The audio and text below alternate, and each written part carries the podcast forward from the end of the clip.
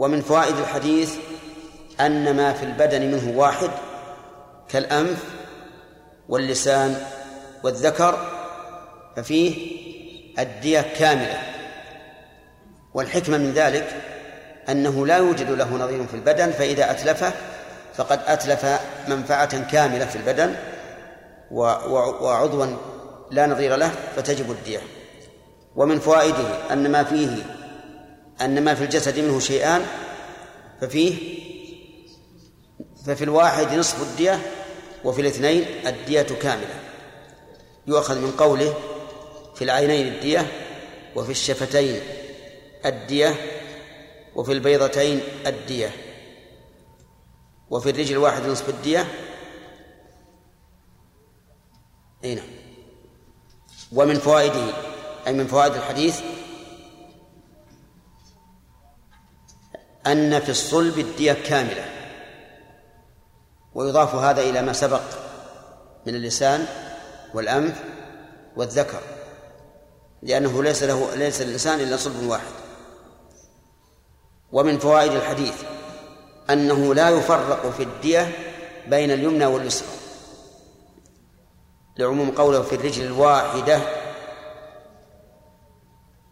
ولم يفرق بين اليمنى واليسرى كما لم يفرق في الديات بين الأصابع. ومن فوائده أيضا أن في الشجاج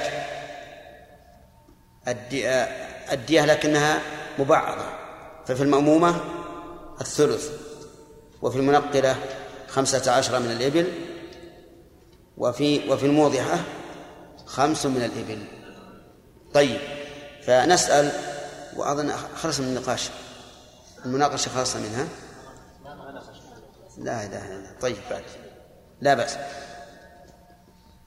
ومن فوائد الحديث أن في الجائفة ثلث الدية. وهي صريحة فيه. ومن فوائد الحديث أن في السن الواحد خمسا من الإبل. فإذا اجتمعت الأسنان كلها ففيها مئة وستون بعيرا. ومن فوائده أن الرجل يقتل بالمرأة. وهو صريح فيه. وكذلك المرأة تقتل بالرجل. ولا يلزم أولياءها أن يدفعوا نصف الدية. ومن فوائد الحديث أن من ليس من أهل الإبل ولكنه من أهل الذهب عليه ألف دينار. وهل هذا شيء مقدر وهل هذا تقدير أو تقويم؟ قال بعض العلماء إنه تقويم. وقال بعضهم إنه تقدير. فإذا قلنا إنه تقويم فصارت الإبل تزيد على الإبل المئة تزيد على ألف دينار ألزموا بما يساوي هذه الإبل. وإذا كان مئة من الإبل تساوي أقل من ألف دينار لم يلزمهم إلا ما تساوي. أما إذا قلنا إنه تقدير فإن الدية تكون ألف, ألف دينار سواء زادت عن قيمة الإبل أم لم تزد. وهذا ينبني على الخلاف. هل هي أصل أو أن الأصل إيش؟ الإبل. نعم. ومن فوائد حديث ابن مسعود رضي الله عنه أن النبي عن النبي صلى الله عليه وسلم أن دية الخطأ موزعة إلى خمس إلى خمسة أصناف أو خمسة. خمس أسنان خمسة أسنان حقة وجدعة وبنت مخاض وبنو مخاض وبنت لبون وأظن أن أسنانها معروفة لكم. طيب.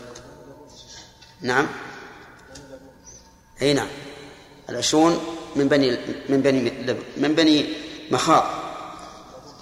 من بني مخاض. وفي رواية أخرى من بني من بني لبون. نعم. طيب الآن هذا فوائد الأحاديث. فلنسأل عن بعض الشيء. ما هي الموضحة؟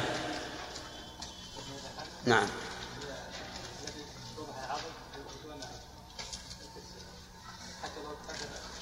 لكن في أي مكان؟ في أي مكان؟ نعم. كيف؟ نعم. هي الشجة في الوجه والرأس توضح العظم ولكنها لا تهشم طيب. المنقلة خزرا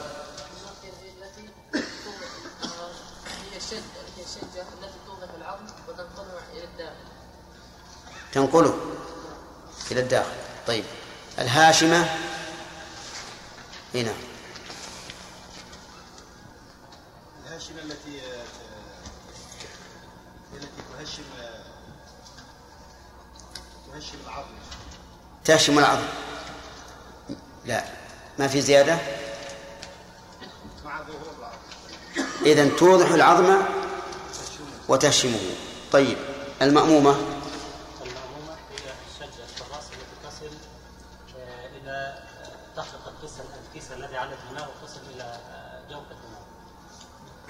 تخلق الكيس؟ تشج العظم الذي على على الرأس. طيب. فيها سل فيها سل. إيه ثم؟ ثم تصل إلى أم الدماغ. إلى أم الدماغ بدون أن تخلق الجلد. طيب صحيح. الدامغة. ما حضرت؟ عبد الله؟ التي تصل إلى أم الدماغ وتخلق الجلد. تمام.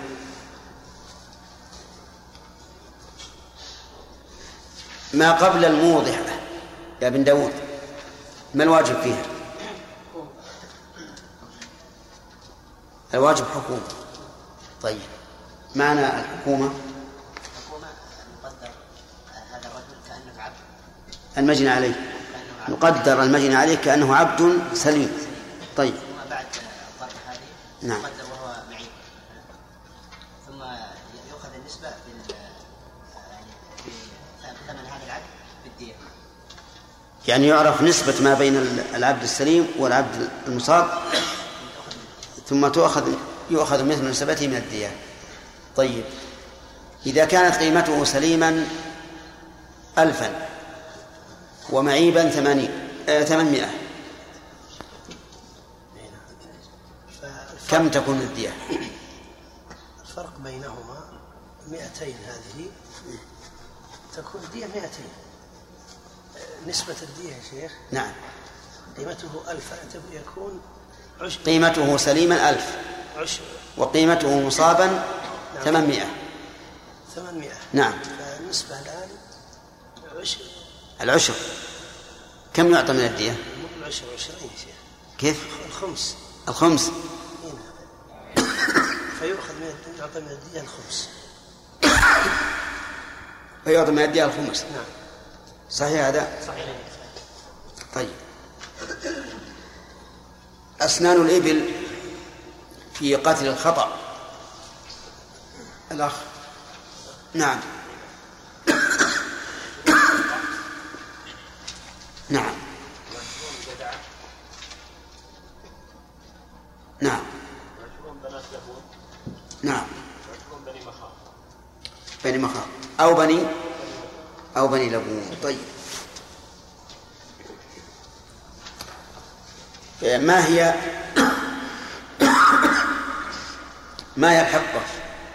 عباس. يقل ثلاث سنوات أحسنت. والجذع هنا سعيد. نعم. سنة وأربع سنوات؟ أربع سنوات. صح. بنت المخاض. لها سنتان سنة واحدة. سنة واحدة. بنت مخاض نعم بنات الأول وابناء الأول ما لها سنتان ماذا تقولون؟ صحيح. آه لماذا سميت بنت نعم نعم.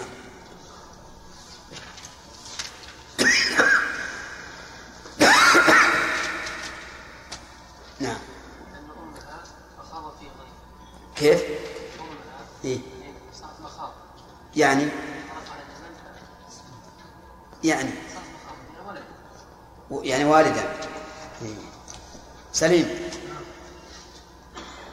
لماذا؟ حامل. نعم. لأنه ما حملت. ما خضت والماخذ الحامل. وبنت اللبون حسن. كيف؟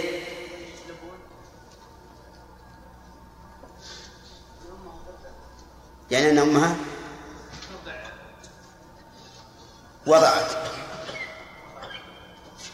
فيكون فيها لبن سواء ترضع أو ما ترضع طيب. انتهى انتهى الكلام على هذين الحديثين. الدية قلت قبل قليل إذا اشترك الجماعة عليهم أخماسا. نعم إذا كانوا خمسة. إذا كانوا خمسة توزع عليهم الدية خماسا أخماس يعني كل واحد يجي كل واحد عليه خمس. عليه خمس من الأخماس هذه. كيف خمس؟ يعني خمس عليه من الدية. وعليه من الجذع إي نعم نعم خمس الدية. عليه خمس الدية. ومعلوم ان, إن, إن, إن إذا كان خطأ فيها اخماس فيكون على الواحد بنت مخاض بنت لبون حقة جذعة الحقة هي التي تم لها ثلاث سنوات وسميت بذلك لأنها استحقت أن يطلقها الجمل. هكذا يا سليم. الحقة هي التي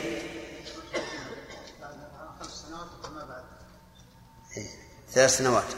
طيب. كيف؟ الحقة؟ لا ولا الجذع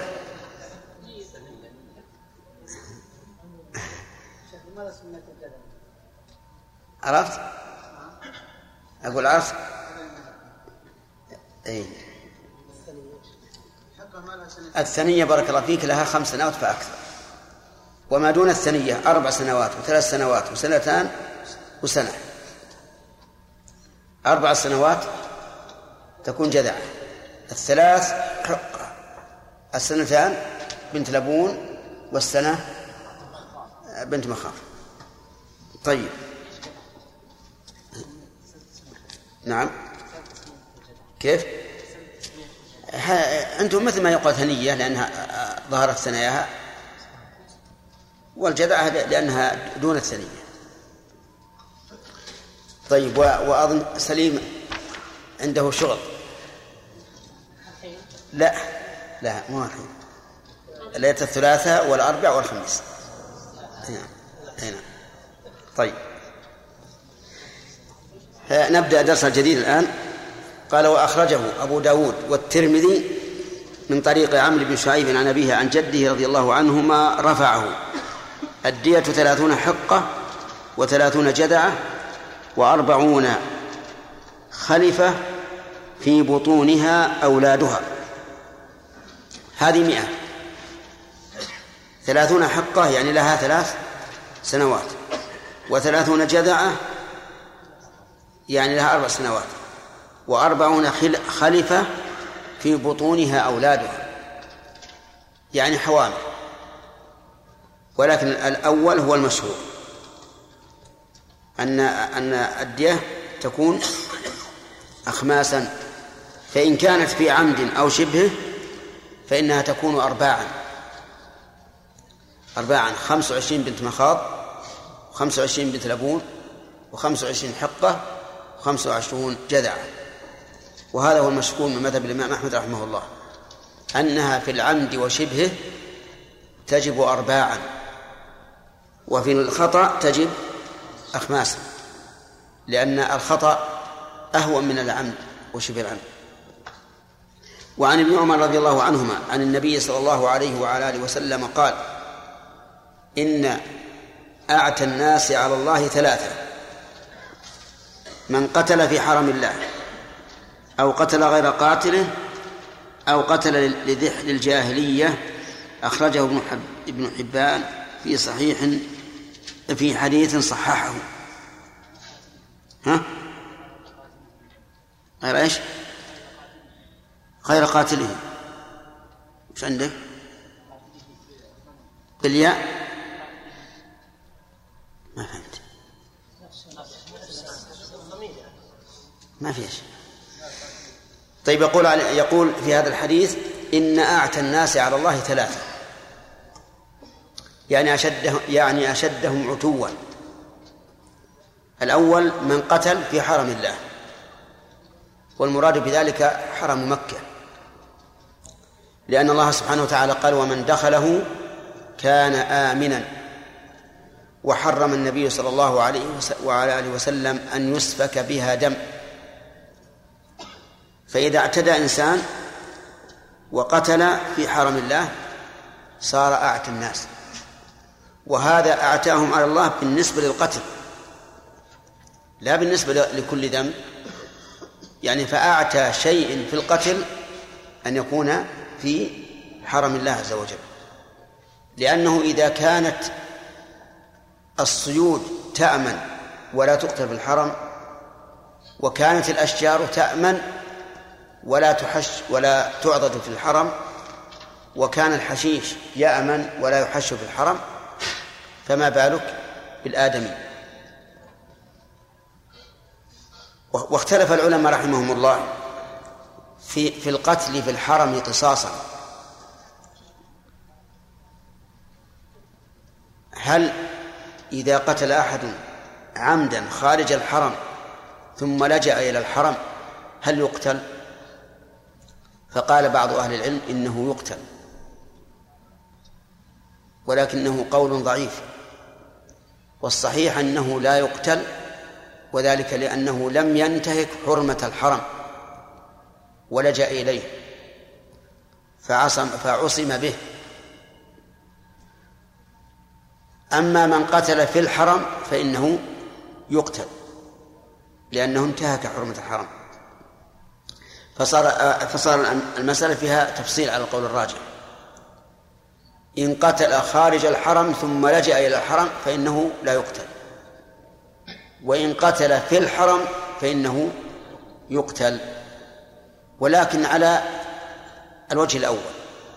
إذا قلنا إنه إذا قتل خارج الحرم ثم لجأ إليه فإنه لا يقتل فهل معنى ذلك أن يسقط القصاص على كل من أراد أن يسقط عنه فيلجأ إلى الحرم؟ لا. قال العلماء لا لا يكلم ولا يباع عليه ولا يشترى منه ولا يؤوى. وبهذه الحال سوف يخرج بنفسه. لأنها تضيق عليه الأرض ما رحبت. ما دام لا نؤويه لا بخيمة ولا بناء ولا نكلمه ولا نعطيه ما يأكله. نعم فإنه في هذا الحال سوف يضطر إلى الخروج. وقوله من قتل في حرم الله هل يزداد بذلك إذا قتل في حرم الله هل يزداد بذلك عليه الدية وتضاعف؟ في هذا خلاف بين العلماء. فمنهم من قال إن الرجل إذا قتل في الحرم فإنها تضاعف عليه الدية بثلث. يعني يجب عليه الدية وثلث. أصلا يعني يلزم أولياء يلزم القاتل بأن يدفع الدية وثلث وثلث الدية مضافا إليها.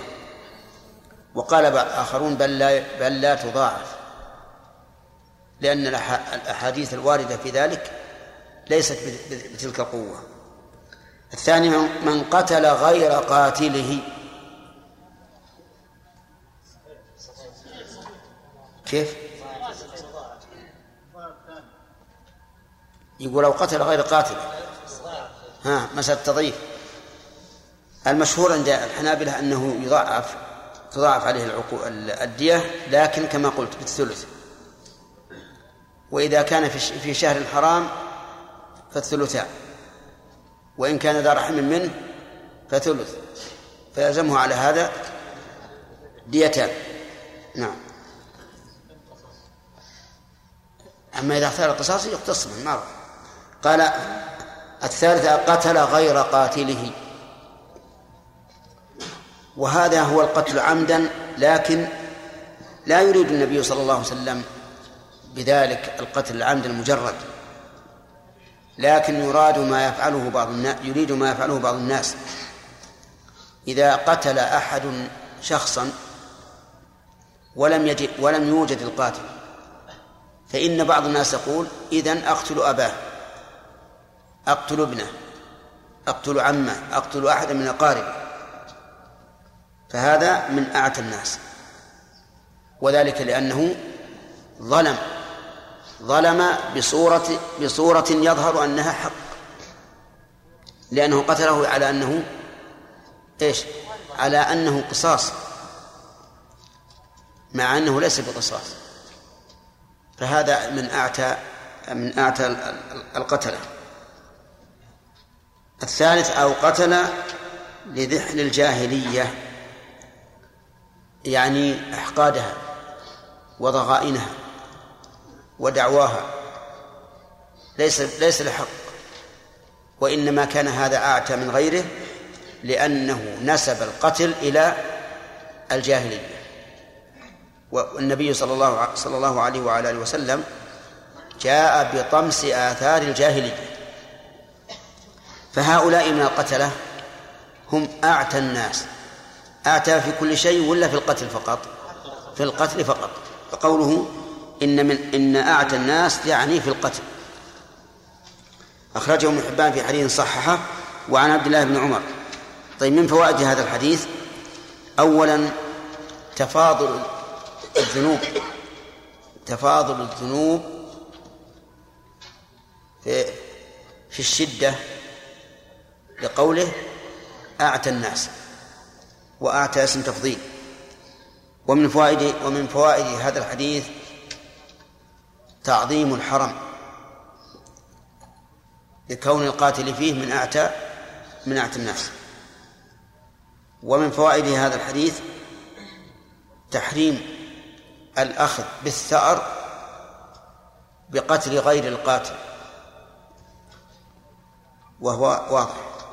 ومن فوائده أيضا تحريم الانتساب إلى الجاهلية وأنه وأن القتل بناء على ما في في النفوس من الإحقاد والضغائن أشد مما لو لم يكن كذلك. ثم قال وعن عبد الله بن عمر رضي الله عنه وعن عبد الله بن عمرو بن العاص رضي الله عنه عنهما أن رسول الله صلى الله عليه وعلى آله وسلم قال ألا إن دية الخطأ وشبه العمد ما كان بالسوط والعصا. مئة مئة من الإبل منها أربعون في بطونها أولادها أخرجه أبو داود والنسائي وابن ماجه وصححه ابن حبان. هذا الحديث يظهر أنه هو الحديث الأول حديث عمرو بن شعيب عن أبيه عن جده لأنه يطابقه تماما. يقول ألا إن ألا إن دية الخطأ وشبه العمد. ما وفسر شبه العمد بقوله ما كان بالصوت والعصا مئة من الإبل منها أربعون في بطونها أولادها أولادها. هذا هو تفسير قوله فيما سبق أربعون خلفة. والباقي وهي ستون ليس فيها ليس في بطونها أولادها وفي هذا الحديث فوائد. أولا التسوية بين الخطأ وشبه العمد. التسوية بين الخطأ وشبه العمد في مقدار الدية. وهذا خلاف ما سبق في الحديث الأول بل في الحديث الثاني. أن دية الخطأ أخماس فظاهره أن الخطأ يخالف شبه العمد إلا أن يحمل الخطأ في الحديث على ما ليس بعمد فلا ينافي هذا الحديث الذي معنا. والمشهور عند الحنابلة أن شبه العمد ملحق بالعمد في تغليظ الدية وأنها تجب أرباعا ولكن ذهب بعض العلماء إلى أنها أي دية شبه العمد تلحق بالخطأ لأن المخطئ لم يقصد القتل وكذلك من قتل شبه عمد فإنه لم يقصد القتل فيكون حكمهما سواء. ولا ينبغي أن نفرق بين شخص متعمد للقتل بآلة تقتل وشخص متعمد للضرب مو للقتل بآلة لا تقتل. ولا شك أن هذا ال- ال- الأخير هذا القول الأخير أقرب إلى الصواب من القول الأول. وذلك أن إلحاق شبه العمد بالخطأ أقرب من الحاقه بإيش؟ بالعمد. لأن ال- الض- الضارب أو القاتل بشبه العمد لم يقصد القتل. ولأنه إذا كان لا تجب لا يجب فيه القصاص والخطأ لا يجب فيه القصاص فينبغي أن يلحق به في الدية أيضا. نعم. الله إليك. الحديث الذي أخرجه أبو داود هي ثلاثون حقة أو ثلاثون جذعا هذا في أي شيء؟ في إيش؟ في أي شيء؟ في شبه العمد؟ يح- يحمل على شبه العمد والخطأ. يحمل على شبه العمد والخطأ؟ أي نعم. طيب. لأنه قول لهذا الحديث الأخير وكلها عن عمرو بن شعيب.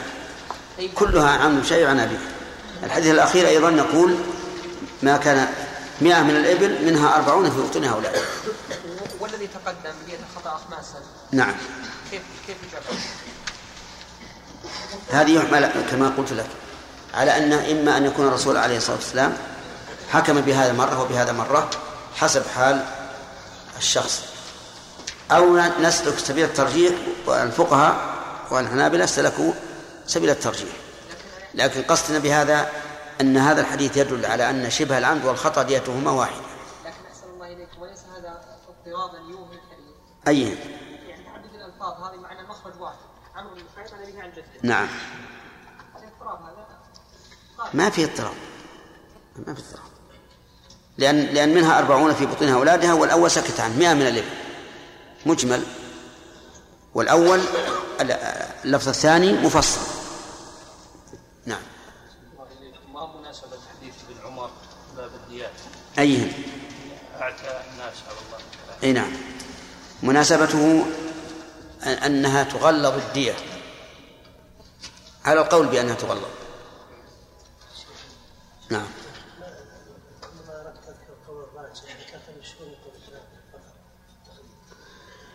أي نعم.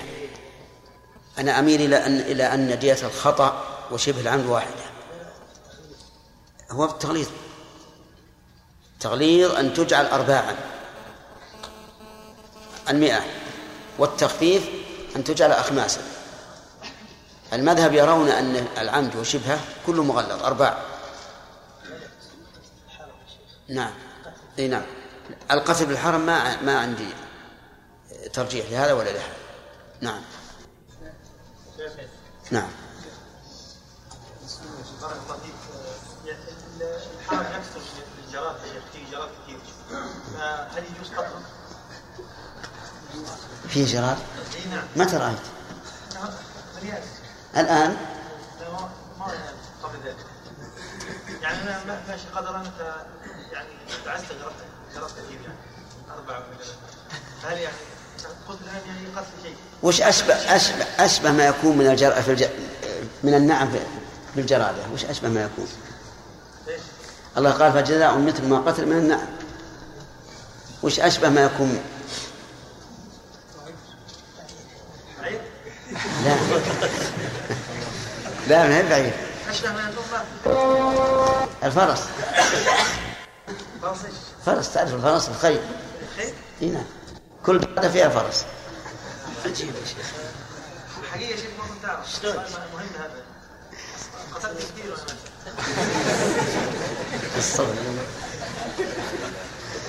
على كل حال الجراد يقول العلماء أنه صيد. إنه صيد. ولا يحرم في الحرم يحرم صيده في الحرم ولكن ما قيمته؟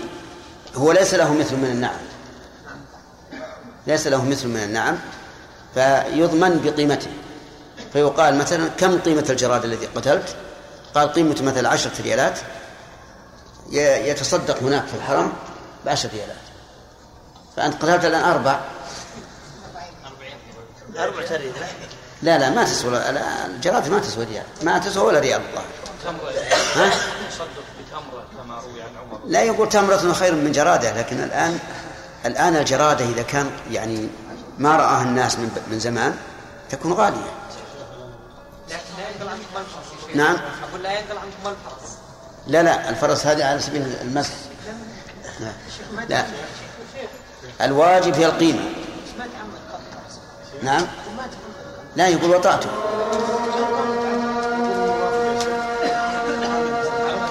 نعم.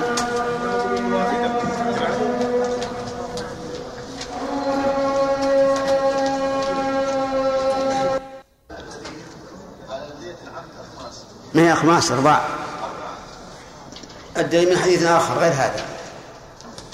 نعم. سليم؟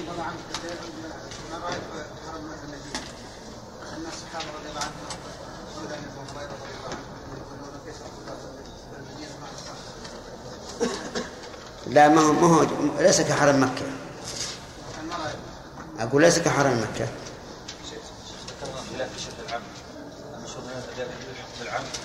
والذي رجحناه يلحق بالخطا نعم. والذي يلحقه بالخطأ بجامع عدم القصد. والمذهب يلحقه بالعام ما حجته هو الجامع بينهما أنه عمد. هذا قاصد وهذا غير قاصد. أنه العام نعم هم هذا هذا هؤلاء هذا. الذي قتل شبه عمد قاصد للجناية لكن ما قصد القتل نعم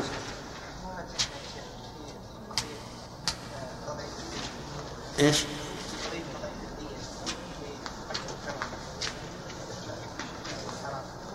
الدية قلت لكم ما ترجح عندي فيها شيء نعم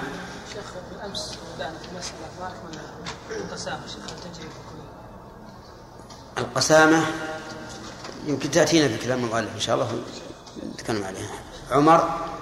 بالنسبة ذكرت فيها نوع تعارض بين الحديث المسعود والحديث ابن عمرو نعم. الا يبحث يا شيخ عن اسناد الحديثين فقد يكون في احدهما ضعف حديث حديث ابن مسعود هو الذي أخذ به الإمام أحمد رحمه الله. والظاهر أنه أقوى من هذا. نعم. وإذا شئت أن تبحث طيب. ابحث إن شاء الله وتأتي به في الدرس القادم. نعم. قلنا أن الرجل لو رجل جنى على رجل الجنايه أدت إلى شيء شيء يوصل بلون الدماء وترتب على ذلك مضاعفات كسوء الحفظ والجنون نعم. أي. ينظر إذا كان إذا محى عنه الحفظ مرة فعليه دية كاملة لأجل المنفعة. وإن كان الإنسان يعني بعض الأحيان فهذا بحسب الحال. يكون حكومة. حكومة نعم.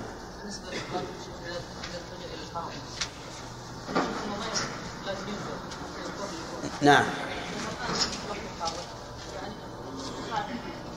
كيف؟ لا يهجر بارك الله فيك. لا يرسم عليه جندي. خلى معه جندي لا أحد يكلمه نعم.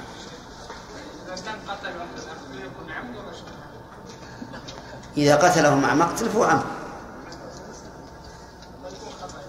لا ما هو خطأ. يعني في بعض في قاتل لو ضربه معناه لا. ولكن يتعمد ان يقتل في اماكن يقضي عليه إذا كان كذلك فإنه إذا لكمه حتى مات نلكمه حتى يموت.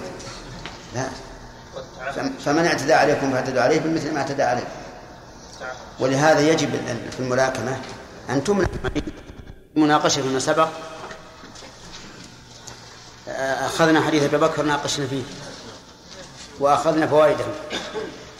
وحديث ابن مسعود أيضا ناقشنا فيه. وأخذنا فوائده.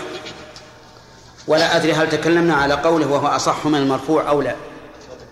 نعم. نتكلم عليه الآن. يقول ابن حجر رحمه الله في هذا في هذا كتاب البلوغ وهو أصح من المرفوع.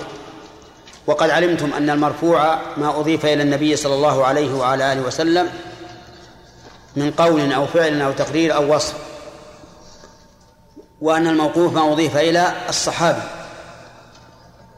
ودائما نسمع روي هذا الحديث مرفوعا وروي موقوفا. وقد ذكر أهل العلم في في الحديث أنه إذا تعارض المرفوع والموقوف فالحكم للمرفوع وعللوا ذلك بأن معه زيادة علم. وزيادة العلم هو نسبة الحديث إلى النبي صلى الله عليه وعلى آله وسلم. والواقع أنه عند التأمل لا تعارض بين المرفوع والموقوف.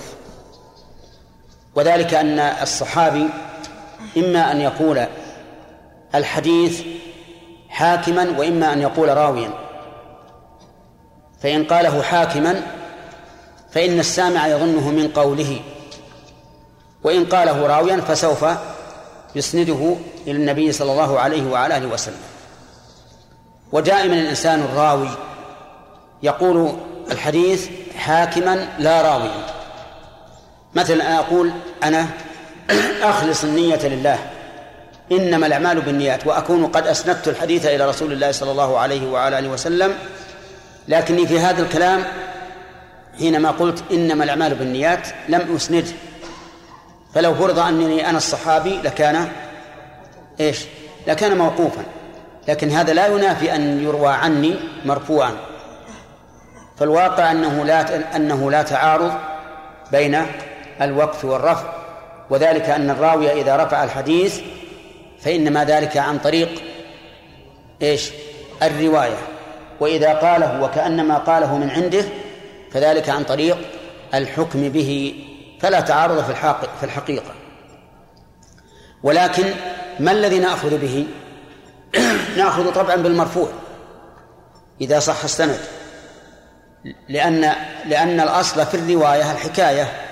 للحكم فإذا روي مرة عن الصحابي ومرة عن الصحابي عن النبي أخذنا بالثاني لأنه هو طريق الرواية.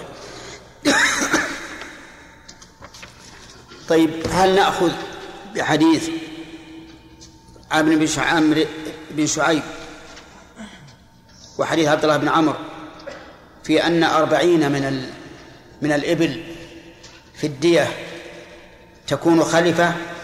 أولادها أو نقول إننا أو نأخذ بحديث عمرو بن حزم. الجواب أخذ الإمام أحمد بالأول كما سبق حديث عمرو بن حزم وأنه لا يشترط أن تكون خليفة. وأخذ بعض العلماء بالحديث الثاني وقال إن هذا فيه زيادة علم وهو قيد أن أن تكون خليفة في بطون في بطونها أولادها. ولكن الأول أرجح وذلك لأن العلماء تلقوا الحديث الأول بالقبول وعملوا به وليس فيه ذكر أن أربعين منها في بطونها أولادها. ولو قيل إن هذا يرجع إلى رأي الحاكم وإذا رأى من المصلحة التشديد وأن تكون خليفة في بطون أولادها في بطونها أولادها أو إذا عجزوا عن ذلك فإنه يعطى الأرش لكان له وجه. ثم نبدأ بدرس اليوم عن ابن عباس رضي الله عنهما عن النبي صلى الله عليه وسلم قال هذه وهذه سواء يعني الخنصر والإبهام. هذه وهذه سواء يعني في الدية. والخنصر هو طرف الأصابع. من جهة والإبهام طرفها من جهة أخرى فإذا كان الطرفان سواء فما بينهما كذلك سواء. فعلى هذا يتبين أن الديات لا مجال فيها للتقويم. أن الديات لا مجال فيها للتقويم وأن الشيخ الكبير الفاني كالشاب الجلد القوي كل منهما ديته كم؟ مئة من الإبل. دية من مئة من الإبل واحدة. مع أننا لو رجعنا إلى التقويم لكان بينهما فرق عظيم. كذلك الخنصر والإبهام. بينهما فرق. لا في الحجم ولا في, في, في العمل.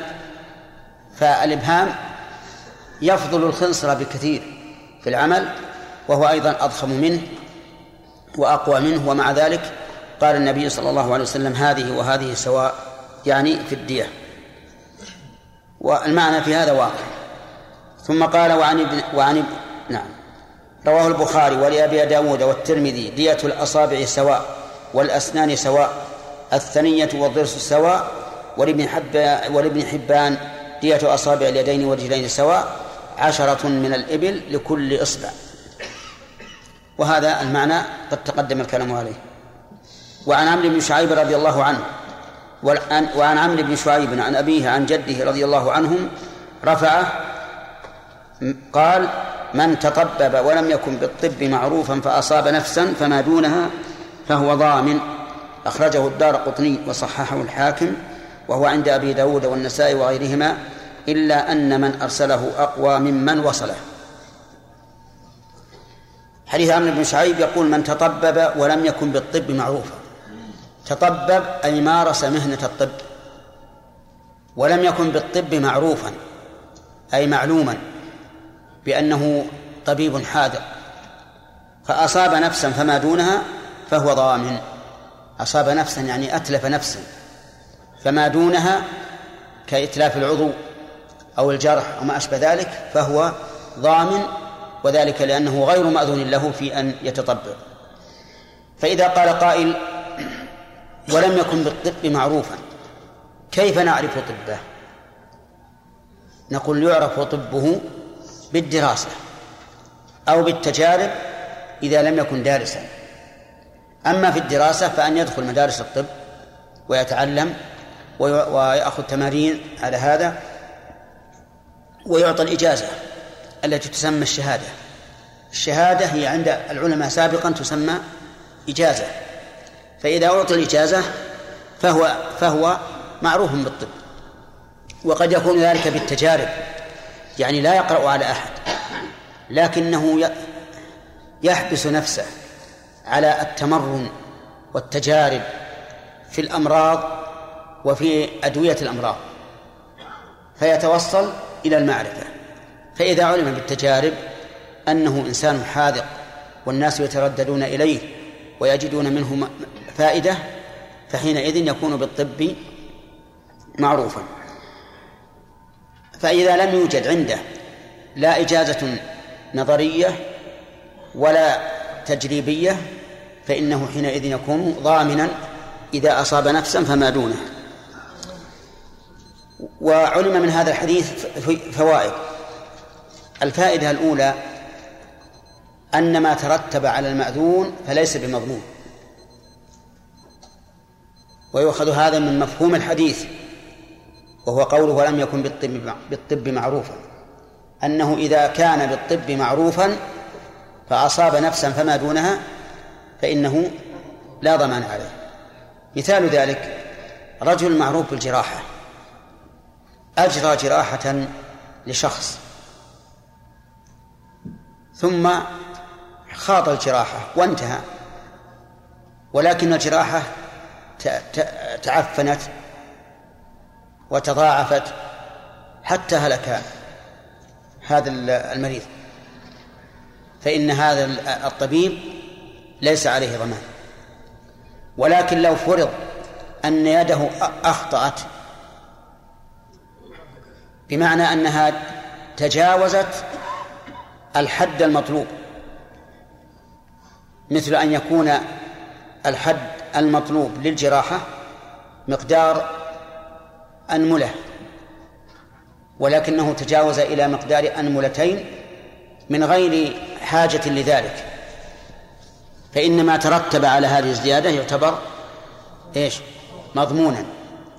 حتى لو كان ذلك عن خطأ لو فرض أنه عندما حرك المشرط زلت يده حتى اتسع الخرق فإنه يكون ضامنا. وذلك لأن ما لأن ما يتعلق بمعاملة الخلق لا يفرق فيه بين العمد والخطأ. وفهم من هذا الحديث أن من تضبب بدون معرفة فإنه يضمن إن أصاب نفسا فما دونها وهو منطوق الحديث. وعلى هذا فيجب الحذر من إعطاء الترخيص في الطب لمن لم يكن معروفا به. والحذر أيضا من المراجعة من مراجعة شخص يتطبب ولم يكن معروفا بالطب لأنه ربما يهلك المريض من حيث لا يشعر. وفهم من هذا الحديث أيضا أن الطب مهنة جائزة لأنه لا ضمان على من كان معروفا بالطب إذا أصاب نفسا فما دونها ولو كانت محرمة لكان على الطبيب الضمان مطلقا. والطب لا شك أنه جائز بل إنه مأمور به بل عده بعض الفقهاء من فروض الكفاية. وقال إن القاعدة عنده إن المصالح العامة التي يحتاج إليها المجتمع عموما فرض كفاية وأن من ذلك تعلم الطب والصناعة صناعة الخشب والحديد والبناء وما أشبه ذلك لأن هذا من الأمور التي يحتاج إليها المجتمع. ولا تندفع حاجة المجتمع إلا بتعلمها.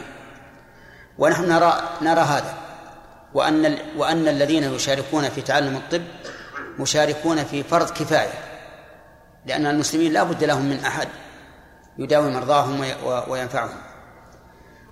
ولا سيما في هذا الوقت الذي أصبح الطب أرضا خصبة لمن أراد دعوة الحق الخلق إلى الحق.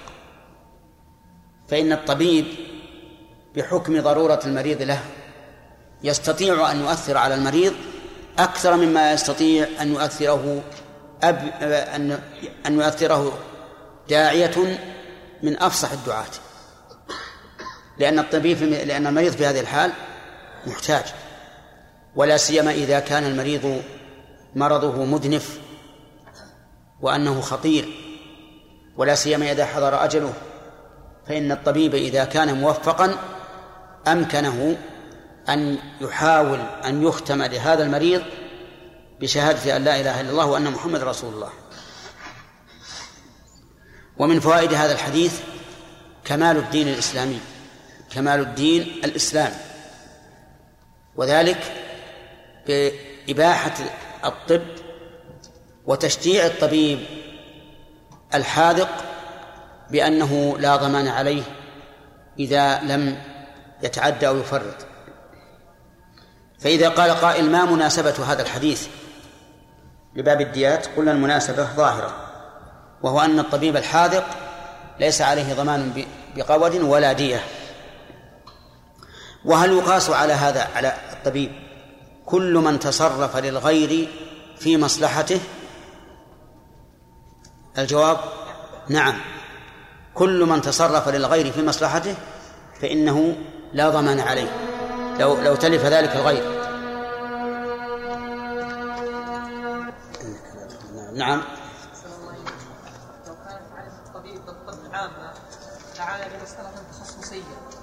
اي نعم.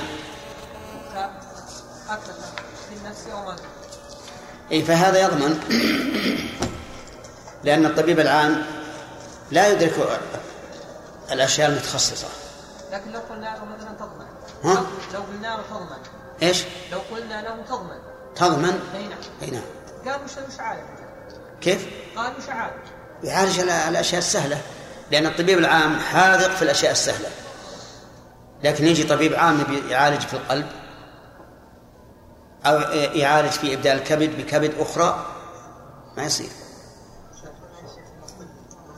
إيش؟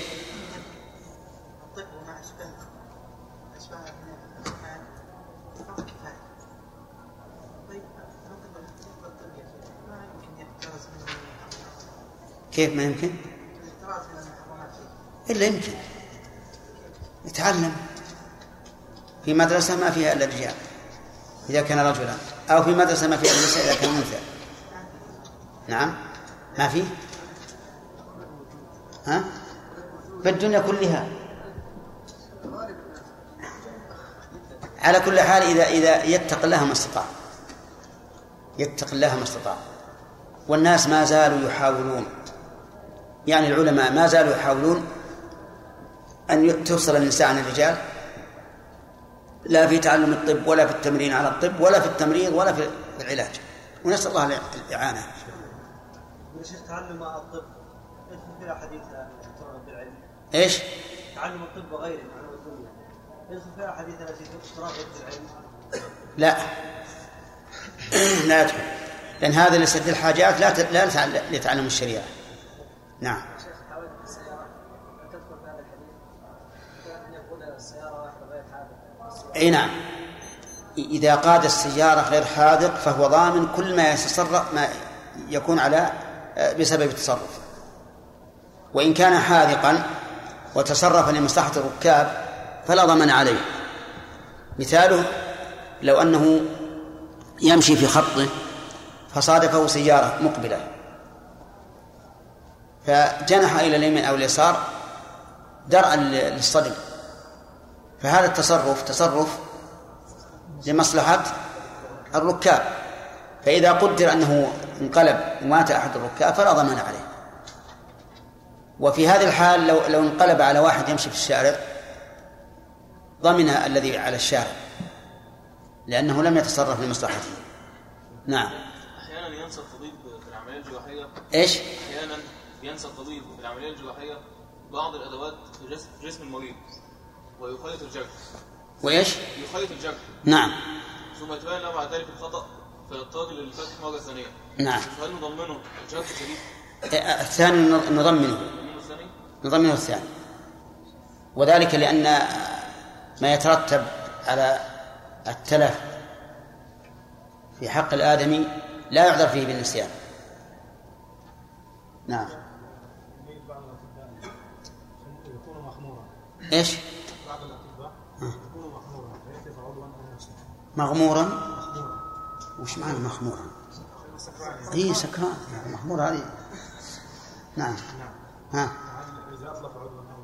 اي معلوم. ما, ما يعني لا يجوز لا يجوز يتصرف إلا في كامل عقله. حتى لو فرضنا فيه نوم كثير. ما يجوز يتطبق. نعم. يقول إلى يوم الدين. هل تختلف دية الأصابع باختلاف المنافع؟ ما الدليل؟ هذا الحديث ما هو؟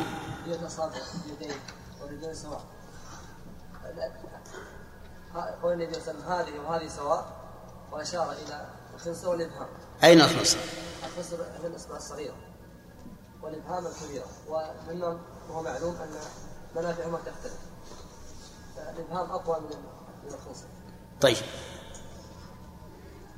هل تختلف دية الأسنان ب- باختلاف المنافع؟ أي نعم. الدليل؟ هي قوله الثانية والضرس سواء. أو قوله الأسنان سواء. طيب. أظن ما في شيء.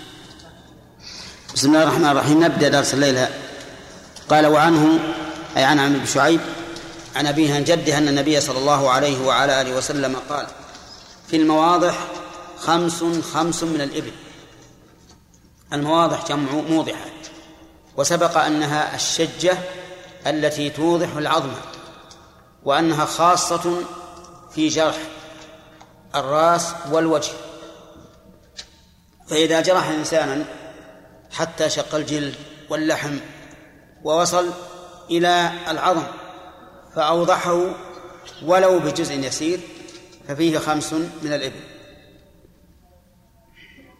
أما لو كان ذلك في غير الرأس والوجه مثل أن يكون في في, في الظهر أو في الأضلاع أو في الرقبة أو في الساق أو في الفخذ فإن ذلك ليس بموضحة وفيه حكومة لأنه لم يقدر شرعا. فإن قال قائل الحديث عام في المواضح وهو جمع موضحة قلنا هو عام لكنه عرفا خاص بجرح الراس والوجه. لا يعرف في اللغة. معنى الموضحة إلا لجرح أوضح العظم في الرأس والوجه.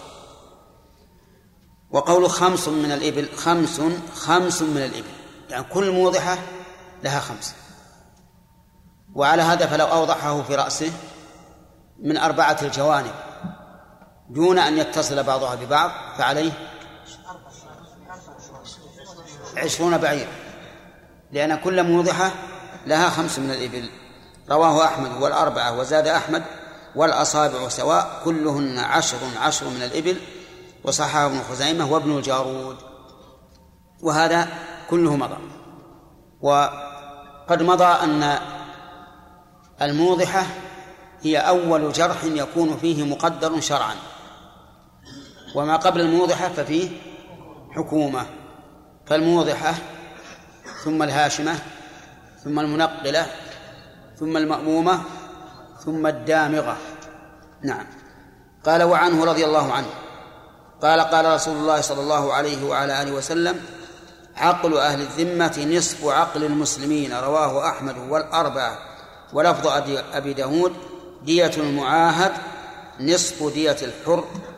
وللنساء عقل المرأة مثل عقل الرجل حتى تبلغ الثلث من ديتها وصححه ابن خزيمة.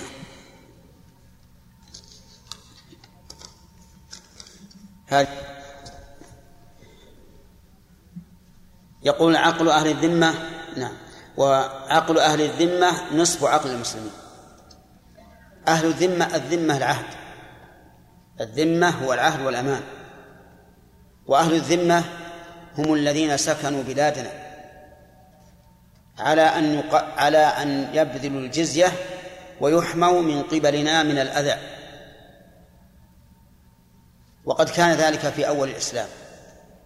يقيم الرجل بالجزية في بلاد المسلمين ويسكن على أن على أن يبذل الجزية كل عام. ومرجع الجزية اجتهاد الإمام. يضرب عليهم جزية جزية كل عام تؤخذ منهم على حسب ما يراه من أحوالهم.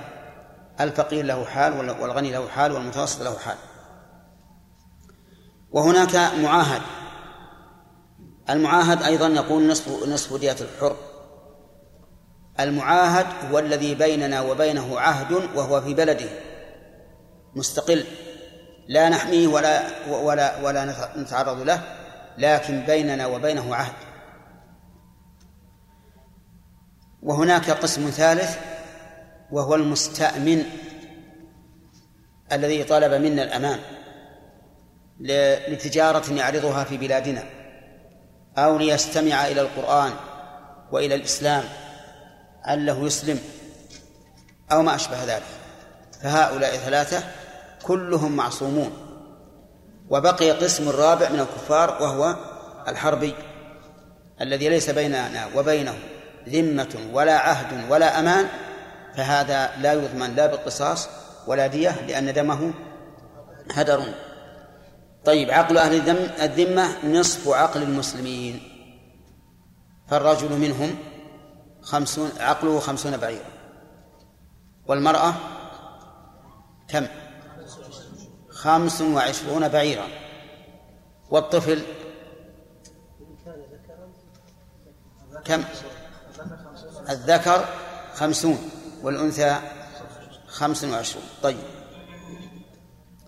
وزاد ولفظ أبي داود دية المعاهد نصف دية الحر. وهو قريب من الأول لكن المعنى يختلف كما سبق, سبق المعاهد ديته نصف دية الحر يعني خمسين بعيرا للذكر وخمسة وخمسا وعشرين بعيرا للأنثى. وللنساء عقل عقل المرأة مثل عقل الرجل. عقل بمعنى دية حتى يبلغ الثلث من ديتها. فإذا بلغ عاد إلى الأصل وهي أن عقل المرأة نصف عقل الرجل. يستفاد من هذا الحديث فوائد. أولا أن دماء أهل الذمة محترمة. من أين يؤخذ؟ من إيجاب العقل بقتلهم وهي دلالة التزام.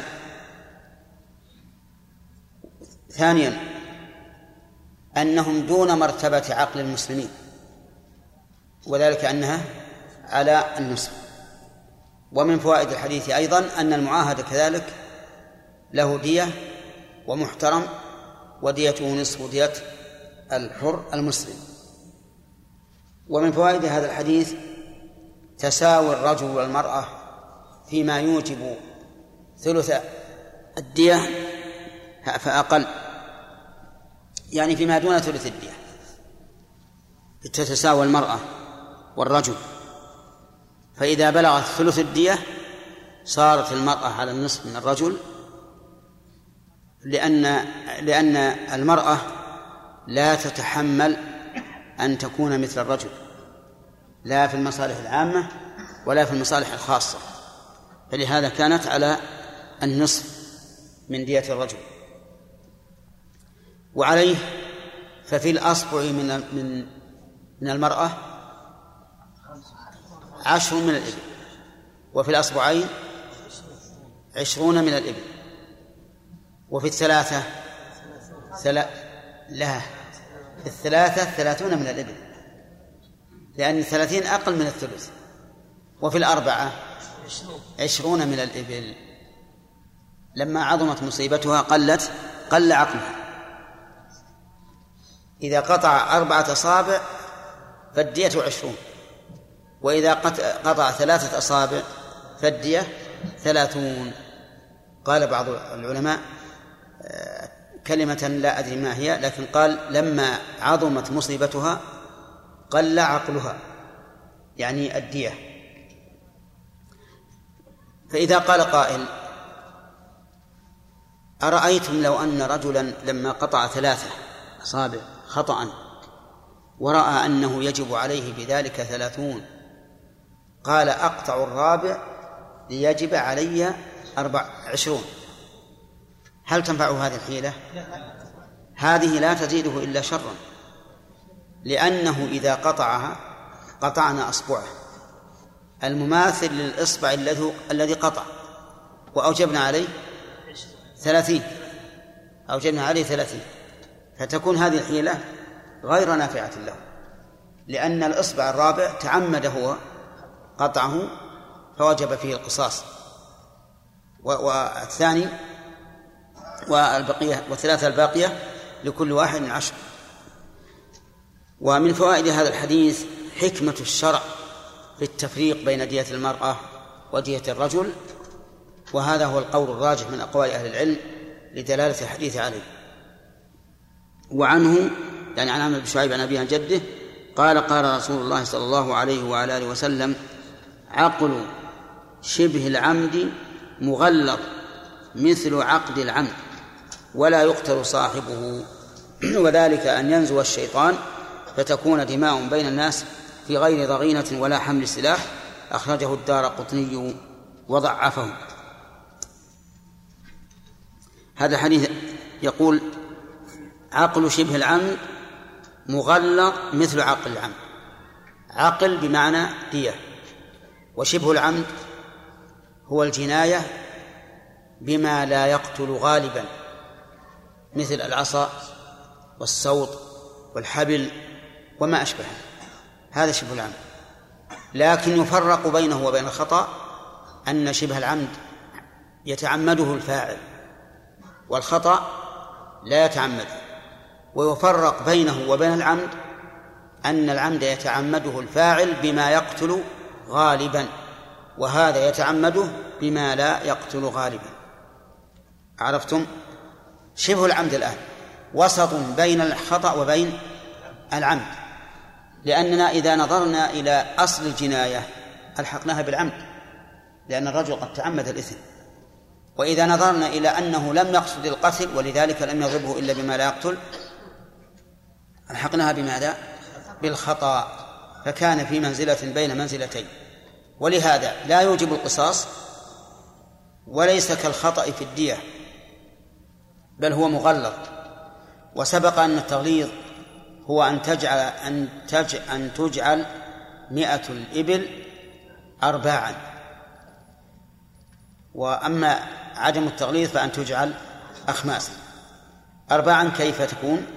خمس وعشرون بنت مخاض خمس وعشرون بنت لبون خمس وعشرون حقة خمس وعشرون جذعة.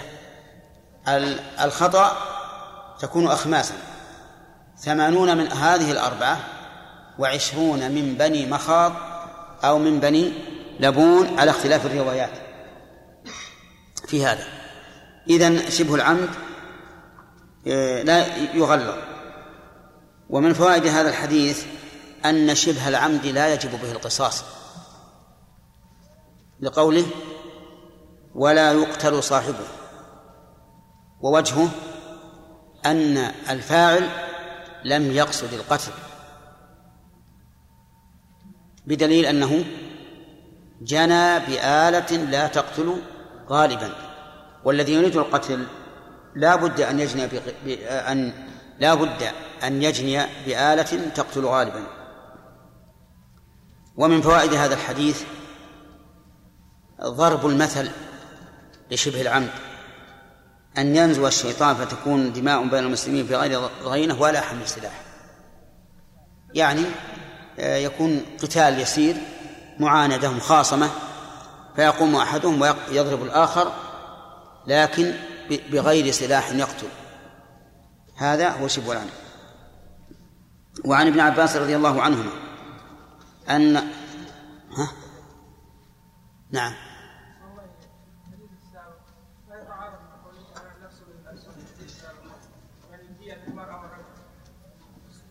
لا يتعارض لأننا قلنا إن الرجل يقتل بالمرأة. أما هذه دية يعني غلب فيها جانب المال. وجانب المال كما نعرف يكون الذكر فيها له مثل حظ الأنثيين. ما تكون ثلاثون ثلاثون وأربعون كيف؟ لا التغليظ هو ما ما, ما ذكرنا. أنها تكون أرباعا من السنين المعروفة. الثلاثون هذه قلنا إن إذا صح الحديث فيها فإنها ترجع إلى رأي الإمام.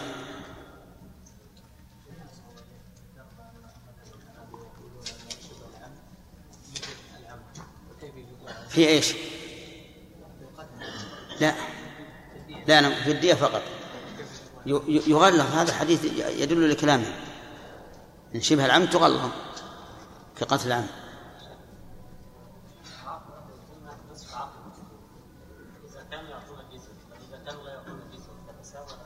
إذا كان هل بيننا وبينهم عهد؟ أي التساوي. ما دام ما داموا معصومين. إي ولو كان. المعاهد معصوم والمستأمن معصوم. نعم شيخ بعض الكفار الموجودين في بعض البلدان الاسلاميه الكفار الموجودين في الجزائر مثلا من اي اجناس هم؟ ام من المعاهدين؟ اي من المعاهدين من المعاهدين. حتى الموجودين عندنا الآن من المعاهدين. الموجودين هنا في السعودية من المعاهدين. شيخ المعاهد المعاهد هو الذي بيننا وبينه عهد. يعني مثل بين دولتنا ودولته عهد. والكفار الموجودين بيننا وبين وبينهم عهد. أما المستأمن فهو عقد شخصي.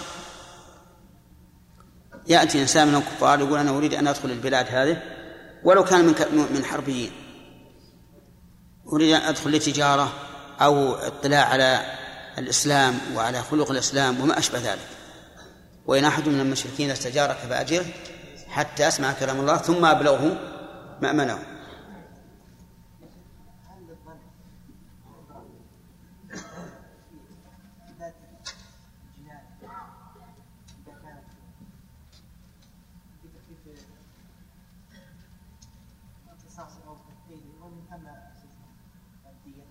كيف؟ يعني معناه إنه يظن هذا مثلا العصا هذا لا ينفو وسط وهو هذا يرجع إلى أهل الخبرة. لا لو لأنه لو لو مثلا يجي واحد يقول أنا ما يضرب بخشبة عمود خيمة. يقول ما ظنيت إني يقتل يطاع بهذا. ما هو صادق. ولو كان صادق عقلا إنسان أخذ عمود خيمة. تعرف عمود الخيمة؟ نعم. فضرب به إنسان بقوة. يمكن لو ضربه سهلا يعني وضع عليه العمود وضعا يمكن ما يقتل لكن بقوة. ما يقتله؟ ما ما يعتبر ظن. هذا لا يعتبر. نعم. لا مطلقا هذا هذا لو لو هو مع يعني هذا يقتل بثقله.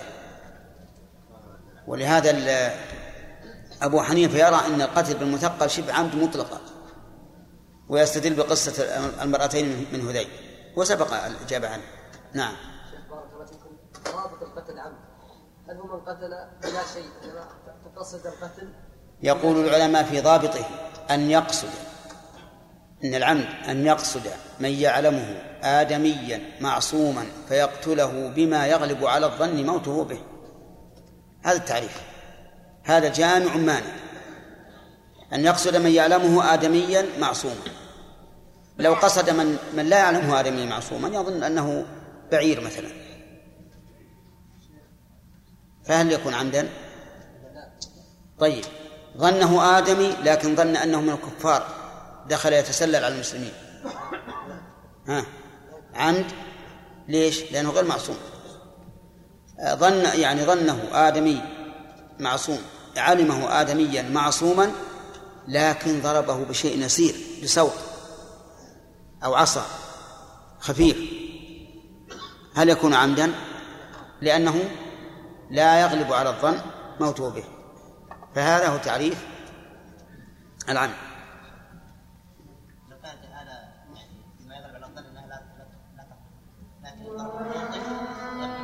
آه. الذي يغلب على الظن موته به سواء بالآلة أو بالموضع. نعم كل واحد. الله أكبر.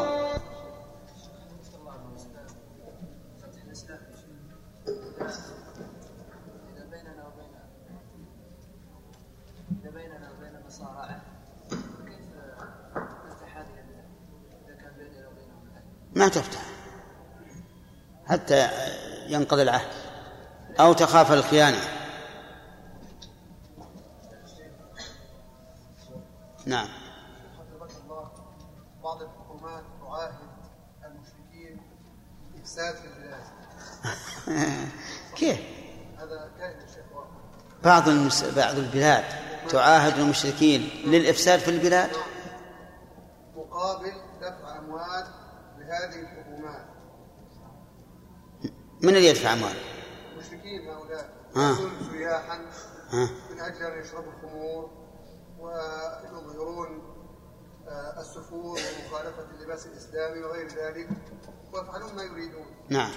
مقابل العهد مع الحكومات هذه. هذا بارك الله فيك حرام. ولو قتل يا شيخ وخي... وخيانة. خيانة لله ورسوله والمؤمنين. قتل هؤلاء المشركين يا شيخ. لا لأن هؤلاء دخلوا بأمان. لو ولو كان أمان واحد يعني واحد دخل كافر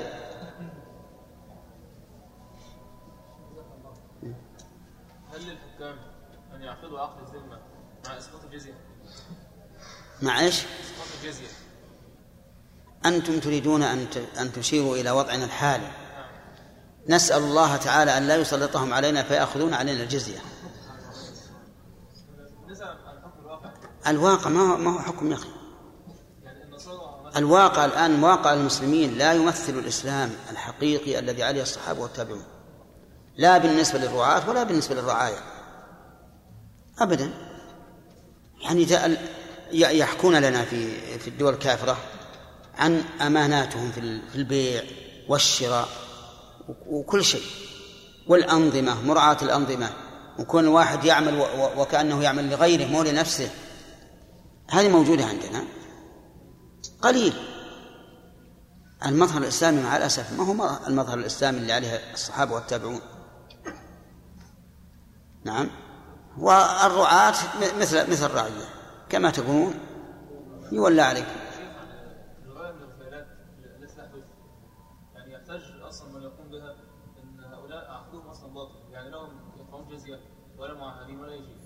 لا هم معاهدين من قبل الدولة.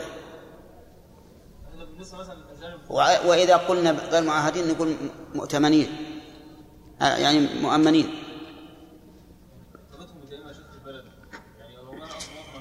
اسأل الله سبحانه وتعالى أن يولي عليكم خياركم. اسأل الله دائما أن يولي على المسلمين خيارهم. وأن يبدل هؤلاء بأحسن منهم. إما هم تتبدل أخلاقهم أو يأتي الله بآخرين. وإن تتولوا يستبدل قوما غيركم ثم لا يكون أم- أمثالكم. صالح. يعني قل عقلها ما هو العقل اللي هو ضد الجنون. قل عقلها يعني ديتها. عرفت؟ آه لأنهم يقولون أنه إذا بلغت الثلث من الدية رجعت إلى نصف الرجل. إلى نصف دية الرجل. فهمت؟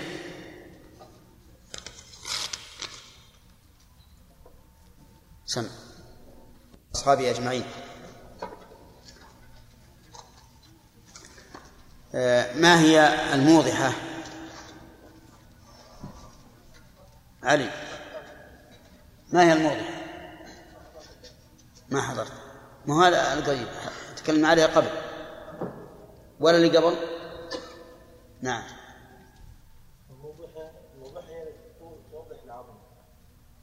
عظم الساق والفخذ.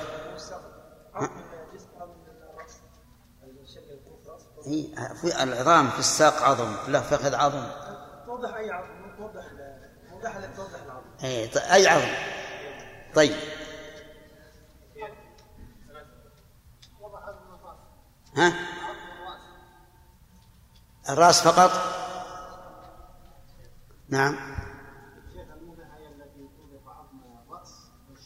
توضح عظم الرأس والوجه فقط.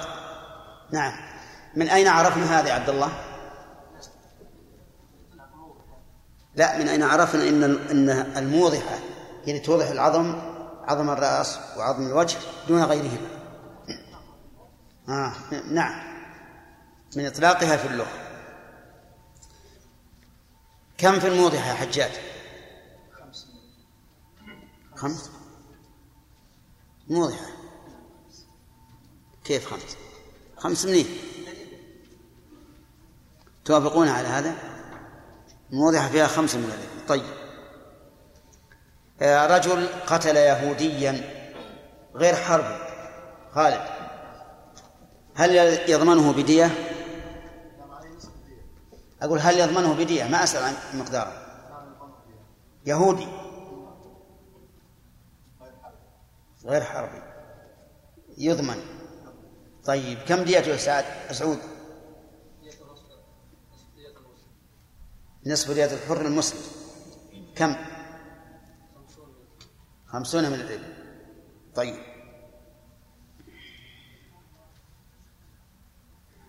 ما هو شبه العمد يا بندر. إيش؟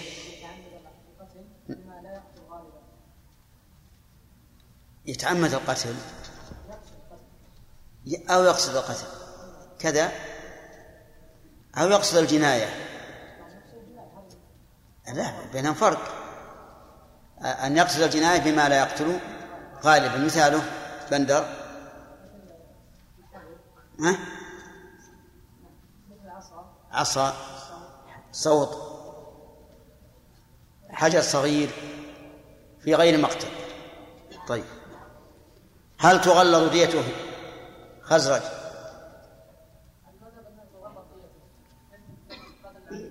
تغلظ ديته كما تغلظ دية العمد. نعم. أظن انتهى المناقشة فيما سبق. معنا ملخص في الجناية على الحمل باعتبار ضمانه وكفارة قتله. وذكرنا أنه أربعة أقسام. ممكن نطبعها ونوزعها إن شاء الله. نعم. نقرأها الآن. طيب. القسم الأول ما لا ضمان فيه ولا كفارة. القسم الأول ما لا ضمان فيه ولا كفارة وله ثلاث صور. الصورة الأولى أن يموت مع أمه ولم يخرج منها. يعني جنى على حامل فماتت هي وجنينها فليس فيه شيء. لا كفارة ولا ضمان. هذا بالنسبة للجنين. والأم؟ الأم تضمن. طيب الثانية أن يخرج مضغة غير مخلقة أو قبل ذلك. يعني يخرج قبل أن يكون مضغة مخلقة فليس فيه شيء أيضا.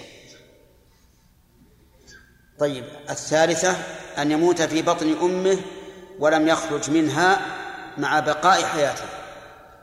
والفرق بينه وبين السورة الأولى أن الأولى ماتت أمه وهذا لم تمت. مع بقاء حياتها ذكره في المغني وعلله بأن حكم الولد لا يثبت إلا بعد خروجه. قال وحكي عن الزهري أن عليه غرة لأن الظاهر أنه قتل الجنين. وهذا أصح. هذا هو الأصح. لأنه تأكدنا أنه حي. ولكن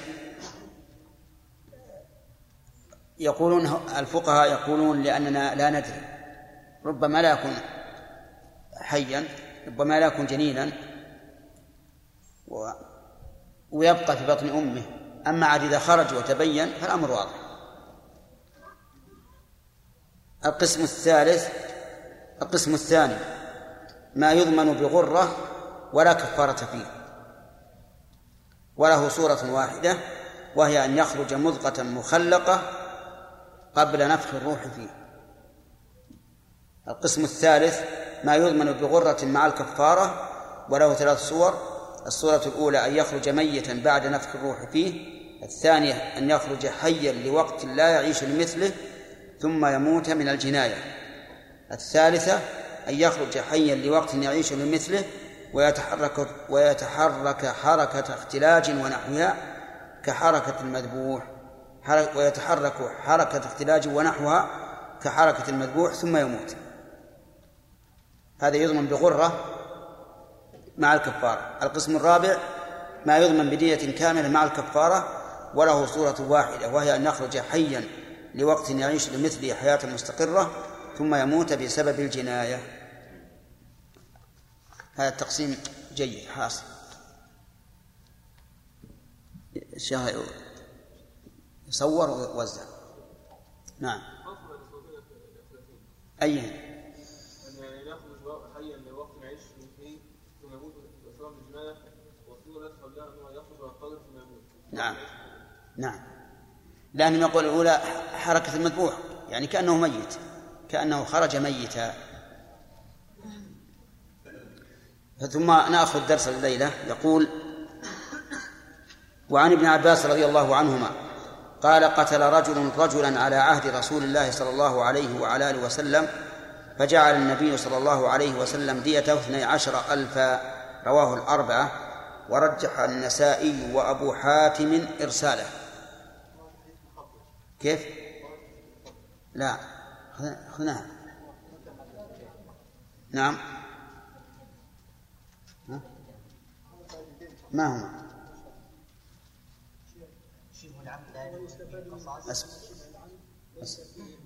اصبر يا أخي. تصورت المحراب على صاحب البيت. نعم. أن شبه العمد لا يجب فيه القصاص لأن الفاعل لم يقصد القتل بدليل أنه جنى بآلة لا يقصد بها غاية طيب. الثاني ضرب المثل لشبه العمد إيش؟ ضرب المثل لشبه العمد إيه. التمثيل لشبه العمد هذا اللي عندك يا شيخ أنا اكملت فهو إذا وسطا بين الخطأ والعمد ودية شبه العمد لا يغلظ ويستفاد من الحديث إن شبه العمد ليس فيه قصاص لا دير شبه العمد لا تغلظ. تغلظ على على الصحيح يا شيخ ان المذهب قولك طيب. ما تقول صححت شيء ما أدري عنه إحنا قلنا لا تغلظ في مسألة أنها تكون أربعون خلفة في بطونها أولادها. طيب إذا الآن يستفاد من ذلك التمثيل شبه العمد وأنه يكون بجناية لا تقتل غالبا. الفائدة الثالثة أن دية شبه العمد مغلظة فتكون أرباعا. خمس وعشرون بنت مخاط خمس وعشرون بنت م... خمس وعشرون بنت مخاض وخمس وعشرون بنت لبون وخمس وعشرون حقة وخمس وعشرون جذعة وهنا يتبين لكم أن جميع أسنان الإبل في الدية لا تبلغ الثنية. يعني كلها لا تضحي مثلا. لأنها لا تبلغ الثنية.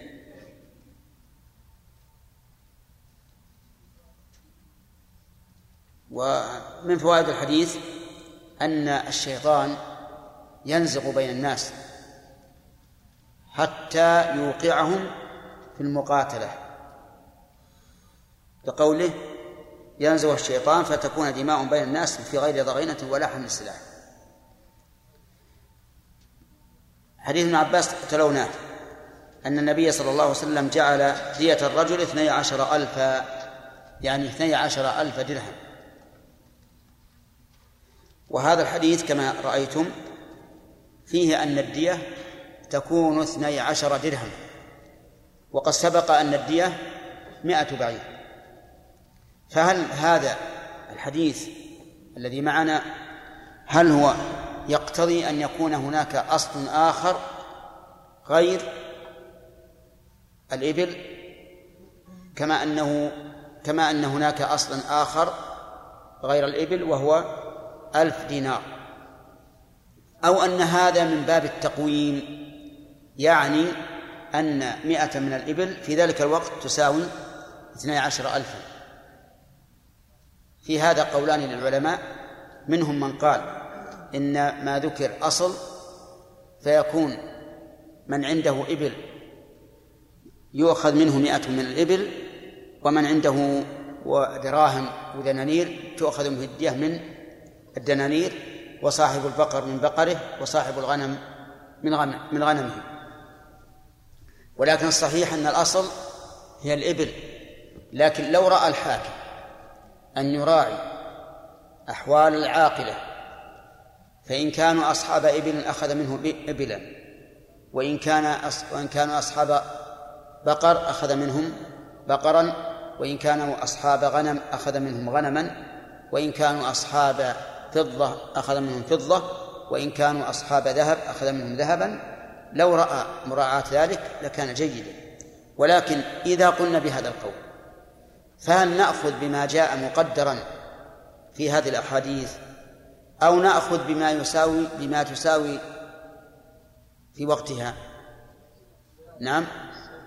الثاني إذا قلنا أن الإبل هي الأصل الثاني هو الذي يؤخذ به. أما المذهب فالأصول خمسة الإبل والبقر والغنم والذهب والفضة. وعرفتم أن الإبل مئة والبقر كم؟ مئتان. والغنم ألف. والدناني والذهب ألف مثقال. والدراهم اثني اثنا عشر ألفا.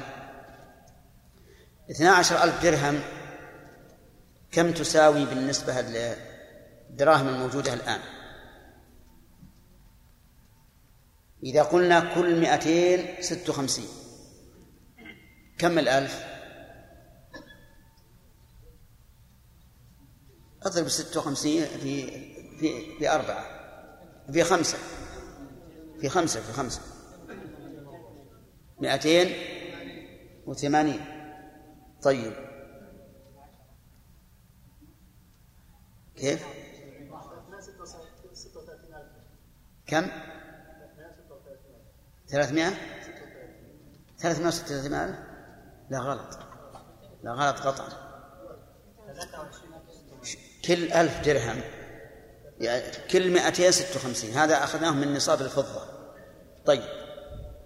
النصاب مئتين درهم. والألف كم يصير؟ اضرب ست وخمسين في خمسة. طيب اضرب 280 ب 12 ها؟ 3062 وين 3000 من 300 ها؟ 3360 لكن خالد يقول 300 ألف. طيب. الآن انظروا الفرق بين دية الفضة ودية الإبل. يعني على المذهب. لو قال من عليه الدية أنا لا أسلمكم إلا من الدراهم. وقلنا إن الدراهم محددة شرعا.